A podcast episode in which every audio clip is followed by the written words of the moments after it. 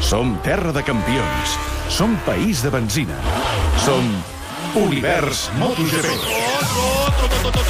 Arrenca MotoGP, ara, quan us ho diem nosaltres, els de Catalunya Ràdio. 19 transmissions. Meravellós, apoteòsic i animalístic. Algú viu amb més passió que nosaltres? Això és espaterrant. Et portem el Mundial a casa. Márquez, Márquez. Maverick, Maverick. Pedrosa, Aleix. Pol, Rins, Rins. Rabat, Rabat. Jo vull que guanyi un català. Cinc temporades transmetent totes les curses en directe. I qui arriba, arriba, arriba, arriba, arriba. Arriba el tetra, tetra, tro, tro, tetra campió del món de MotoGP. Som Univers MotoGP. El Mundial és nostre.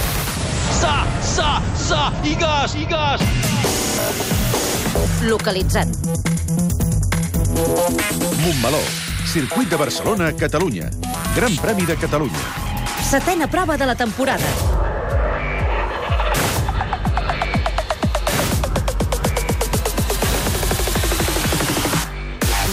Només tenia 14 anys. Era un dels grans talents del Mundial Júnior de Moto3. L'any passat havia guanyat diverses curses a l'European Talent Cup i va lluitar fins al final pel títol.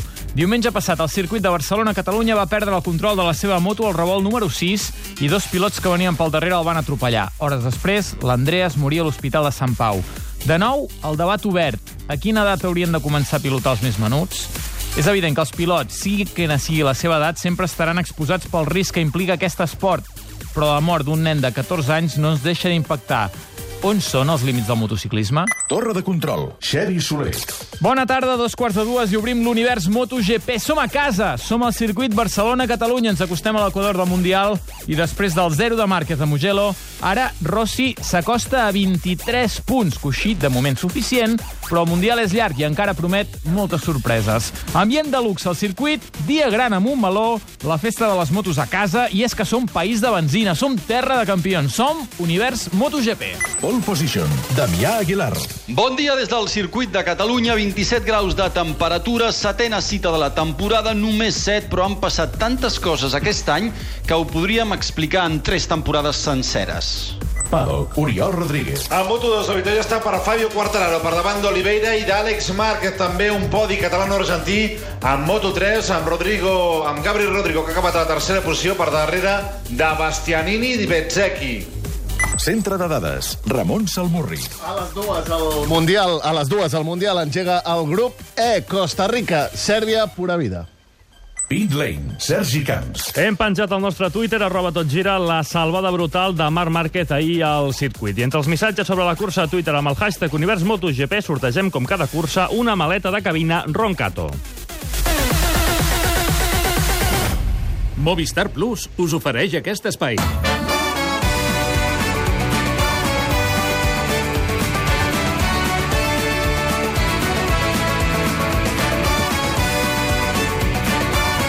Les 19 curses que fem cada any a l'univers MotoGP dins del Tot Gira de Catalunya Ràdio, especialment ens en fa gràcia una, no per res, sinó perquè és la cursa de casa, és el Gran Premi de Catalunya, som al circuit de Catalunya i al circuit ja hi tenim el Damià Aguilar seguint una de totes les curses que segueix i avui acompanyat de l'Oriol Rodríguez. Damià, Oriol, com esteu des del circuit? Molt bé, què tal? Bon dia. Oriol, d'entrada, hi ha gent, hi ha bon clima, quin ambient es respira avui a Montmeló? Bé, bon rotllo, hi ha presència d'aficionats. No sabem si arribarem als 99.873 de, de la temporada passada. És cert que des del 2008 la cosa ha anat minvant una mica, perquè el 2008 vam arribar als 113.000, però, vaja, jo m'he trobat, com cada any, problemes per arribar al circuit.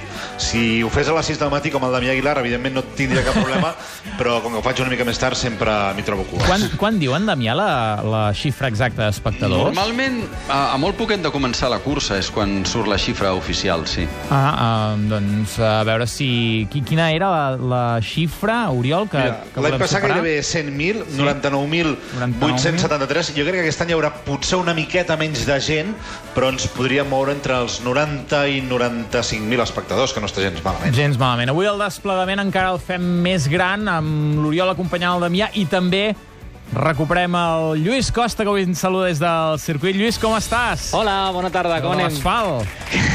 Què tal? Molt bé, ahir Quant ja et, de sentíem, temps? sí, ja et sentíem en aquests entrenaments lliures Sí. i, i avui, evidentment, volem viure una cursa um, allò que diu el Damià, espaterrant. Per cert, ja tenim imatges, veiem imatges d'aquest circuit de Catalunya. Uh, fa molta calor, Oriol? No, no, no, no és el dia que més calor fa aquí al, al circuit. Mira, ara la temperatura és de 24 graus, per tant no és un dels junys més calorosos que hem tingut aquí. De fet fa sol, però és com una mena de ressol, eh? no, no acaba de, de ser un sol clar, amb el cel entrenyinat, i això potser farà que la temperatura avui de l'asfalt no sigui tan alta com a principi es podia preveure. Ja sabeu que sempre que hi ha temes meteorològics, l'Oriol Rodríguez ens els explica la mar de bé. També ens explica l'Oriol la classificació del Mundial Um, ara mateix, amb Márquez dominant, però ja ho dèiem a l'inici, eh? amb Rossi acostant-s'hi. Sí, amb el 0 d'Itàlia, Márquez 95 punts, Valentino en té 72 a 23, a partir d'aquí Maverick Viñales 67 punts a 28 de Márquez, Andrea Dovizioso a 29, en té 66, i anem ara fins al lloc de Jorge Lorenzo, perquè és desè, amb 41 punts. És cert que és a 54 de Marc Márquez, però és un nou pilota tenint en compte, no sé si en la lluita pel títol, però després de la victòria de Mugello i avui sortint des de la pole position pot fer coses importants. De seguida debatem què és el que pot passar en aquest Gran Premi de Catalunya. Sabeu també que estem ja molt centrats en aquest Mundial de Futbol. Avui, d'aquí a 23 minuts, Salmo, el primer partit de la jornada. El grup E, obre avui el grup E, un grup on hi tenim Brasil, on hi tenim Suïssa, que jugaran a les 8 del vespre, i on també hi ha Costa Rica i Sèrbia, que és el primer partit de la jornada que es disputa al Samara Arena. A partir de les dues del migdia ja tenim 11 confirmats d'entrada per part de l'equip Tico, per part de Costa Rica, evidentment amb Keylor Navas a la porteria, amb Òscar Duarte, el jugador de l'Espanyol, que és central titular avui, i també amb l'habitual Brian Ruiz, el capità de l'equip de Costa Rica. I a Sèrbia, sobretot, pendents de Milinkovic-Savic, de Sergei Milinkovic-Savic, el mitjapunta de la Lleidatà de la Lazio, nascut a Lleida, és serbi, um, fill d'exfutbolista de, fill de Lleida, que va, néixer, que va néixer en terres catalanes, que és internacional per Sèrbia i que apunta a ser una de les revelacions pel Mundial. S'ha parlat molt de l'interès que té el Madrid en fitxar-lo de cara a la temporada vinent i avui té un gran aparador al primer Mundial que disputarà. A aquesta hora també estem pendents del tennis, la final del torneig de Stuttgart, amb el nou número mundial amb Roger Federer, que a més a més està guanyant amb Milos Raonic. El partit és el primer set, 5 a 3. Federer, un break amunt a la Cervera Raonic. Damià, què ha passat abans a Moto2 i Moto3? Perquè tenim alguna notícia destacada, eh? Aviam, el, el podi d'Àlex Márquez... Eh, el, el, L'Àlex li està faltant una miqueta aquesta temporada, però jo crec que acabarà arribant, entre altres coses, també perquè ha estat una cursa d'aquelles en què la classificació s'ha bellugat una mica. Ha guanyat Fabio Quartararo, que és aquest pilot que fa molt poques temporades veníem i el vam vendre tota la premsa perquè ens el van vendre molt bé a nosaltres com el nou Márquez, eh, un pilot que va tenir el millor a Moto3, que ha pujat a Moto2 i que ha despertat, a més a més amb una moto que no està mai al davant, com és la Speed Up. Aquest cap de setmana ha fet la pole i ha guanyat, i a més a més ha guanyat amb solvència. Ha guanyat mhm. -huh. Quartararo sobre Oliver Oliveira i Àlex Márquez, la cinquena posició per Xavi Vierge. Peco Banyalla ha entrat en el grup dels eh, davanters, però ha perdut punts, de manera que a Oliveira se li, se li ha costat a un punt i Àlex Márquez et deia que com a mínim ha pujat al podi, i això és important, està a 25 punts de Banyalla. Eh, mm, bé, no em sembla malament després de tot just 7 curses, perquè la veritat és que, insisteixo, que han passat moltes coses aquesta temporada, però que només han passat 7 curses fins al moment. I al Moto3 sí que hi ha hagut de tot, sí. perquè la cursa ha estat amb, molt, amb moltíssimes caigudes, fins al punt que Arenas i Canet han acabat al centre mèdic i tinc última hora. Albert Arenas té mal a l'ull esquerre, ha de visitar un especialista. Eh, segurament quan, quan, quan ha anat fent tombarelles li han, li han entrat pedres al casc, segur. I eh, Aron Canet té una lesió al taló però sense fractura. Aquesta és l'última hora dels metges. Mm -hmm. Qui ha guanyat? Bastianini sobre Bezzecchi i Gavi Rodrigo. Gavi Rodrigo, el, el barceloní, que ha fet el seu primer podi al Mundial. Bezzecchi és líder, a 19 punts. Dijan Antonio a 23. Jorge Martín. Jorge Martín, quan era líder de la cursa, a meitat de cursa ha tingut una caiguda i ha hagut d'abandonar. I espera, per em diu la Nàdia, que el paddock tinc l'Oriol precisament amb el Gavi Rodrigo, que avui crec que ha fet el seu primer podi en la seva carrera. Gavi Rodrigo, bon dia. Bon dia. I moltes felicitats. Moltíssimes gràcies. Aquest primer podi a casa, no gairebé. Si m'ho haguessin dit aquest matí, no m'ho hagués cregut perquè han vingut molts amics, eh, família, i és molt, molt especial per mi haver aconseguit aquest resultat perquè ho estàvem buscant des de feia molt de temps i ho hem treballat molt, molt, molt, molt i és molt especial també poder dedicar-li aquest, aquest podi a Andreas, a Lluís, eh, a tot el meu equip que s'ha deixat l'alma per mi i bueno, eh, només felicitar-los a ells també perquè han fet un treball molt excel·lent. Gairebé semblava una cursa de resistència, no? Els que quedaven a davant tenien opcions perquè la gent ha anat caient. Era ràpid, però potser no, no, no és el fin de que, que he estat més fort. Potser a Mugello eh, inclús tenia una mica més, però, però el meu enginyer m'ho ha dit a la, a la graella, no? m'ha dit ets intel·ligent, utilitza eh, això perquè serà una cursa de resistència, ja s'ha vist du- durant el cap de setmana que han caigut moltíssims, però l'última part eh, he, he sabut gestionar una mica més els pneumàtics i al final he pogut atacar eh, i aconseguir aquest, aquesta tercera posició que és molt especial per mi. Molt millor tu avui que no pas l'Argentina al Mundial, no, de moment? No, la veritat que bueno, això ja, ja se sap. Tampoc sóc molt, molt, molt eh, futbolero, però, però bueno, espero que els desitjo molta sort també a Espanya i a veure si fa, fan una bona representació a tots dos països. Vinga, felicitats. Merci. El Gavi Rodrigo, que és argentí, que viu a Barcelona, per això parla aquest català. Falten 4 minuts per 3 quarts de dues. Repassem la graella de sortida del Gran Premi de Catalunya. Tercera fila. Nové, Tito Rabat amb Ducati, vuitè, Joan Zarco amb Yamaha i setè, Valentino Rossi, també amb Yamaha. El doctor avui davant d'una degradaria ben plena que també el recolza no renuncia gens a lluitar pel podi. Segona fila. Sisè, Danilo Petrucci amb Ducati, cinquè, Andrea Iannone amb Suzuki i quart, Maverick Viñales amb Yamaha. L'altre Yamaha, la de Viñales, que diu que li agradaria lluitar per la victòria. Primera fila. Tercer, Andrea Dovizioso amb Ducati i segon, Marc Márquez amb l'Honda. Després del seu 0 a Mugello, Márquez avui no pot badar. Pole position. Jorge Lorenzo amb Ducati. Sempre ha disputat les curses amb un meló, 14 ja en porta, sortint des de la primera fila. El seient del darrere. 11è, Dani Pedrosa amb Honda, 15è, Àlex Rins amb Suzuki, 18è, Pol Espargaró amb KTM i 19è, Aleix Espargaró amb Aprilia. Fa un any a l'univers Premi de Catalunya, Underway. Comença Dani Pedrosa des de la pol, s'han tocat Márquez i Petrucci. Marc Márquez acaba de superar a Dani Pedrosa. Com de nois, Jorge Lorenzo, que encararà i farà primera posició en la primera volta de cursa. Lorenzo amb la Ducati. Marc Márquez, que supera Jorge Lorenzo. També el supera ara mateix Dani Pedrosa. Jorge Lorenzo s'ha colat una miqueta. Marc Márquez ha estat a punt de tocar-se amb Lorenzo.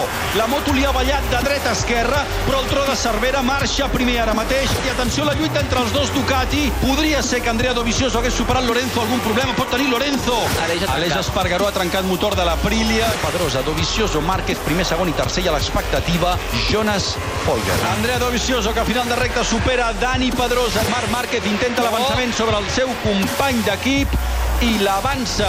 El veiem al davant, el veiem endavant de la nostra posició. Guanya, guanya Andrea Dovizioso amb la Ducati i la Montmeló.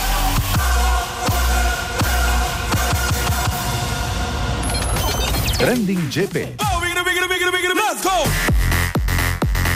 Com sempre, tenim dos regals en joc en aquesta transmissió del Gran Premi de Motos. Tenim la maleta Roncato, que la sortegem entre els comentaris sobre la cursa a Twitter amb el hashtag Univers MotoGP. El Carles diu, Marc, que ho té tot eh, bé per guanyar el Mundial, però no pot cometre més errors. Avui guanya la cursa segur. La Míriam Lorenzo sembla un pilot nou. Avui aposto per ell. O el Xavier Genís, avui llu- lluita Lorenzo Márquez a la pista. Ens ho passarem bé.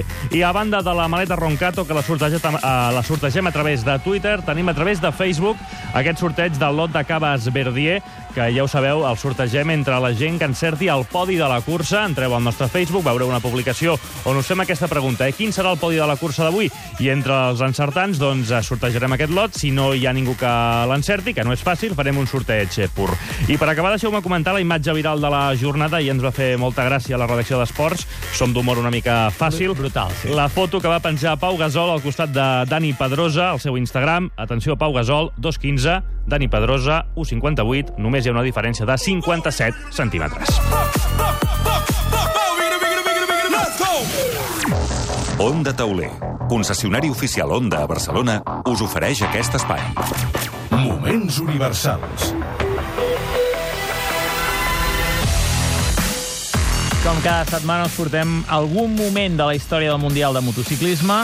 Molts d'aquests moments els hem viscut en directe a Catalunya Ràdio, que fa ja 31 anys que segueix el Mundial, primer de la mà del Pere Flores i després amb el Damià Aguilar. Avui el que us portem al moment universal és la primera victòria de Dani Pedrosa a MotoGP. Dani Pedrosa va debutar a MotoGP al Gran Premi d'Espanya a Jerez el mes de març de 2006. Va debutar amb un podi, va ser segon darrere Loris Capirossi. Les següents dues curses no van anar bé. Va ser sisè a Qatar i catorzè a Turquia, en aquest darrer cas amb una errada d'última volta quan lluitava al podi. La primera pole la va marcar el circuit internacional de Xangai, un 13 de maig del 2006. I un dia després assolia la seva primera victòria. Era només la quarta cursa. So we line up for round four, 22 laps of the Shanghai International Circuit. A new man in pole position. It's the 20-year-old Spaniard, three times world champion, Danny Pedrosa, double 250cc world champion, 125cc world champion. Comença la cursa i Pedrosa perd tres posicions en tres revolts i dues més abans del primer pas per línia de meta. Pedrosa leads the way to the left-hander, or is it Colin Edwards? Hopkins gets her as well. Pedrosa leads Hopkins second. Edwards up the inside. Edwards takes the lead. And Pedrosa's been pushed wide down into third place.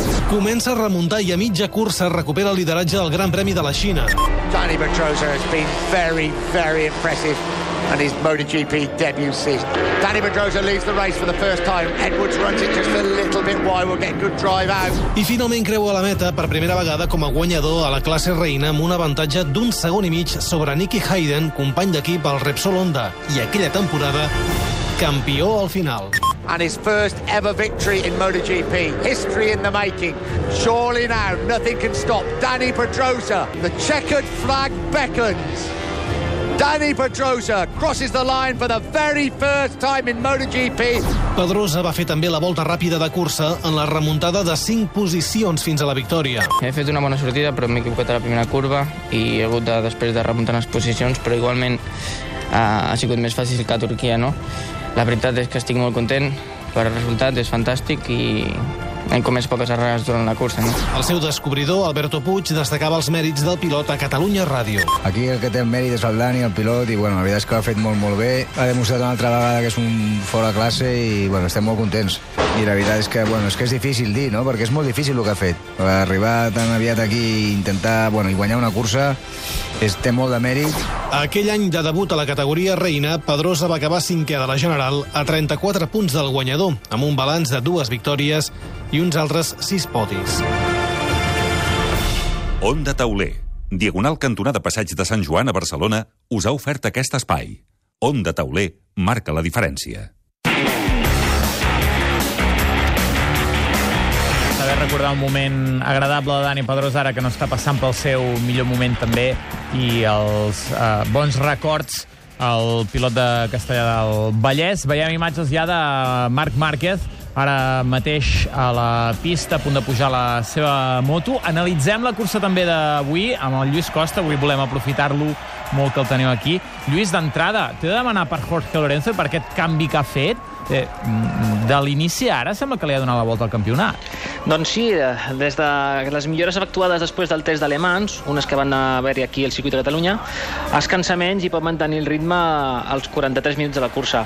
A part, ara voldria reivindicar-se, ja que Ducati com a Dominicali l'ha fotut fora, llavors ara vol córrer més i correrà més amb el cor, Ah. córrer més ràbia. -huh. el, el que podríem pensar ara, Lorenzo encara és lluny, eh? Però podem pensar en Jorge Lorenzo com un candidat al títol, com un uh, pilot que li pot posar les coses difícils a Marc Márquez? Doncs mira, jo ara mateix penso que no, perquè són 54 punts. El Lorenzo ha perdut molts punts inicialment i trobo que ara mateix, eh, més que un rival per títol, eh, és, un, és un aliat pel Márquez, ja que si Lorenzo queda davant, o sigui, guanya, eh, resta punts als rivals del Márquez. Aleshores, eh, és, és un aliat.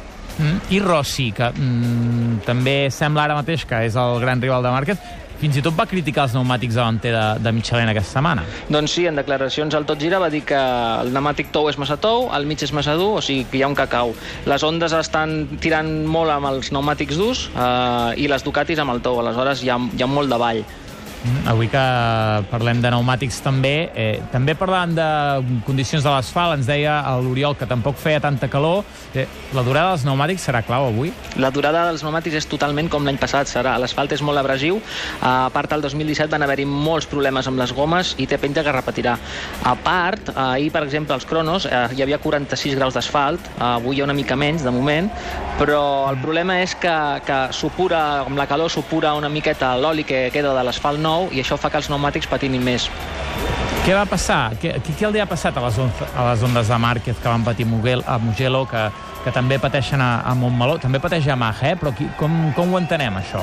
Doncs mira, Honda pateix sempre amb els seus pilots. Uh, van amb goma dura i sempre desgasta molt els pneumàtics i han de posar aquests compostos, el que provoca que anem amb molta compte les primeres voltes, on pot marxar molt fàcilment la roda davant. Fixeu-vos que les caigudes del Marc, per exemple, són sempre de davant i la lliscada d'ahir, a l'últim revolt, va ser a, a, durant 3 segons, durant 80 metres a 150 per hora. És la lliscada més, més llarga que ha fet el Marc dir. Sí, recordeu que hem penjat aquesta salvada del Sí. Marc Márquez, que és espectacular el que va fer en aquests entrenaments. I ahir Márquez va fer un tuit així amb una mica d'humor, diu, un dia más en la oficina, i adjuntava aquest vídeo com volent dir que això ho fa cada dia i que s'està convertint ca- en una cosa habitual en, les, en els entrenaments i les curses del To de Cervera. Per cert, Damià, abans fa res recordàvem aquesta primera victòria en MotoGP de Dani Pedrosa, notícia que nosaltres explicàvem al Tot Costa de Catalunya Ràdio aquest dijous. Eh, què, què va passar amb Pedrosa? Va estar a punt de retirar-se, sí, no? Dani Pedrosa va estar a punt de retirar-se i va ser un altre pilot qui segurament va ser el principal eh, la, la persona principal que el va convèncer perquè no ho fes i aquesta roda de premsa que va aixecar tanta expectació el dijous es va convertir en una roda de premsa de no tinc res a comunicar quan la seva intenció inicial eh, unes 24 hores abans era que eh, anunciaria la seva retirada. Ara mateix Maverick Viñales, que és l'home que l'ha convençut perquè continuï o que almenys ho intenti, és un dels que està apretant perquè Yamaha tingui un superprojecte per l'any que ve. Ara mateix s'està parlant de molts milions d'euros que arriben de Malàisia per fer no només eh, no només pagar l'equip oficial de Valentino i de Maverick Viñales, sinó també un segon equip en el qual hi hauria Dani Pedrosa i Franco Morbidelli. I no podem descartar ara mateix que Yamaha posi en pista l'any que ve quatre motos oficials. Si Pedrosa té una oficial, continuarà pilotant. Si Yamaha, si Yamaha no li posa una oficial a Dani Pedrosa, Dani Pedrosa segurament decidirà que plega. La xarxa Fort de Catalunya t'ofereix aquest espai. Damià Vol. Ja sabeu que l'airbag a MotoGP és obligatori per tothom. Quan diem tothom, volem dir també pels pilots que corren una cursa amb una invitació de Damià. Encara alguns es demanen, per exemple, com va salvar la vida Michele Pirro al Mugello a més de 300 quan va caure. No duia airbag perquè no era obligatori per als wheelcars. Ara ja ho és. Els de Moto2 i Moto3 convidats ho serà a partir de l'agost. Avui repassem l'evolució de l'airbag de MotoGP amb Jeremy Appleton, que és el director comercial d'una de les empreses líders, la italiana Alpine Stars. Les clavícules i les espatlles són les zones principals estadísticament. De fet, el motiu pel qual van començar a investigar sobre l'airbag. Ara bé, com el sistema protegeix l'esquena i per sota i tot, de fet contribueix de forma molt important a prevenir lesions de mèdula. Però també el pit és vulnerable, per tant, tenir un airbag que protegeix els teus òrgans vitals de la zona frontal superior és important. L'airbag, una peça ara mateix imprescindible per a un pilot professional de motos. Teniu tot el reportatge, tot aquest reportatge, el de Damià Wall, com sempre, al nostre web catradio.cat barra MotoGP. Quan escoltes per primer cop... Tens un Ford Kuga amb motor EcoBoost per 17.950 euros. És com escoltar per primer cop... T'estimo. O un... Sí, vull. Escoltar per primer cop tens un Ford Kuga amb motor EcoBoost per a molts el millor motor gasolina del món per 17.950 euros. És irrepetible. Finançant amb FCE Bank, condicions a Ford Ponès i només fins a final de mes. Xarxa Ford de Catalunya.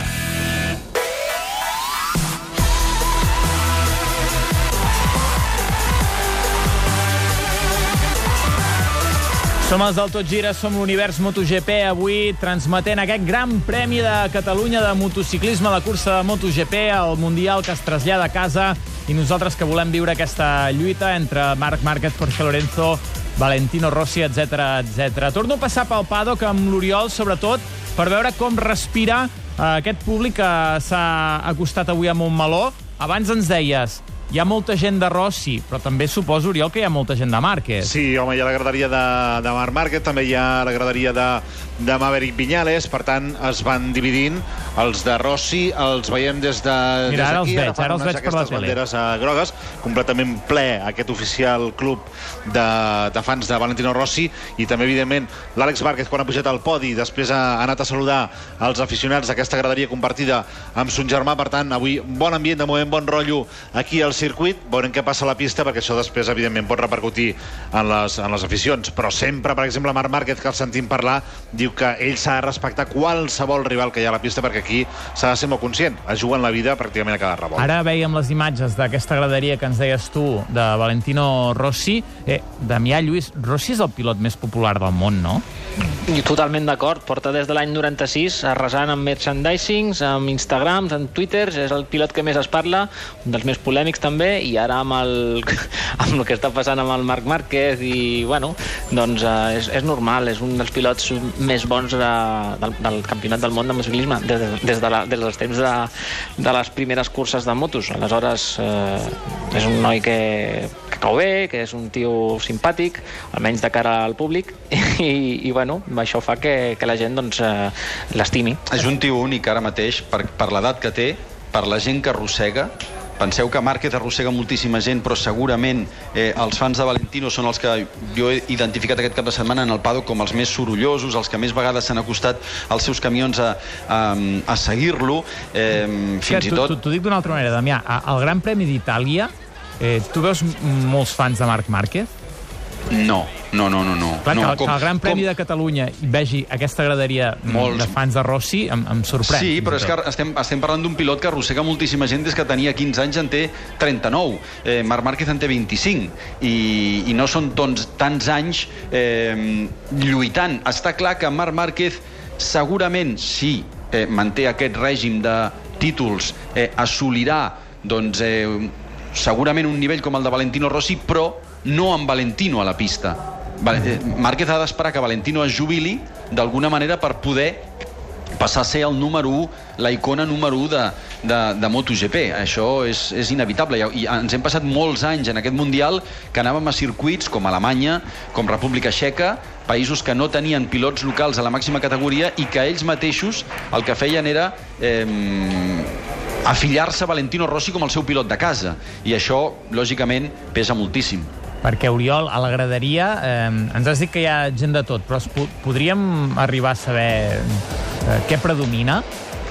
Mm, home, jo crec que bàsicament eh, els pilots catalans, els pilots de casa són els que tenen més, eh, més eh, suport. Eh, evidentment aquesta graderia completament plena, aquesta doble tribuna de, de Valentino Rossi, com que més van de groc, es fa veure molt, és molt vistosa. Ara fa una estona, mira, ara hi tornen, estan fent l'onada, per tant, això és el que fan els aficionats de Rossi, però evidentment dels 100.000 espectadors pràcticament que hi haurà aquí, o 90.000 i, i escaig, doncs jo crec que aquí hi ha Márquez, també Lorenzo, molts aficionats que, que li donaran suport, eh, s'emporten s'emporten Viñales, també evidentment Pedrosa, doncs són els que tenen més eh, aficionats al seu favor. A tu t'agrada molt sempre el tema dels VIPs, eh? Eh, És cèlebre la teva entrevista amb Keanu Reeves. No Sí, sé si va sí. ser una entrevista o va ser un crit o un so gutural. Eh, aquí al circuit de Catalunya te n'has trobat?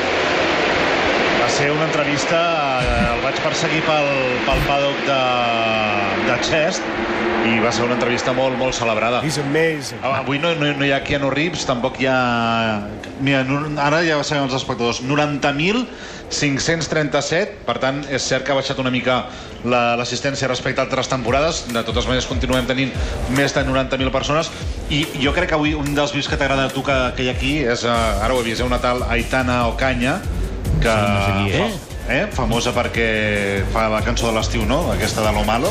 No sé qui és. Una de les... idea. Segur, triomfo, Operació Segur, Triomfo. segur que no fa la cançó de l'estiu Josep Maria Bartomeu, el president del Barça, que avui s'ha desplaçat també al circuit de Catalunya. També hi és, també hi ha el president de la Generalitat, en Quim Torra. Sí, ha de donar el trofeu al guanyador de MotoGP. Falta un minut per les dues. Ja som al warm-up d'aquesta cursa del Gran Premi de Catalunya. Faríem bé de repassar, Oriol, la graella de sortida d'aquest Gran Premi de casa nostra. Amb Jorge Lorenzo des de la pole position per davant de Marc Márquez i Andrea Dovizioso a la primera fila, a la segona Maverick Viñales, Andrea Iannone i Danilo Petrucci, Valentino Rossi, setè, vuitè Zarco, novè el Tito Rabat. A la part del darrere trobem que Pol Espargaró surt des de la 18... No, Dani Pedrosa surt 11è, Alex Xerriz des de la 15a posició, Pol Espargaró 18è i Alex Espargaró 19è. Entre el missatge sobre la cursa a Twitter sortegem una maleta Roncato, una maleta de cabina Roncato, missatge sobre la cursa amb el hashtag Univers MotoGP. Avui la gent, en àmplia majoria, vol veure una lluita a la pista entre Marc Márquez i Jorge Lorenzo. A punt de començar, futbolista sobre el terreny de joc, aquest Costa Rica-Sèrbia,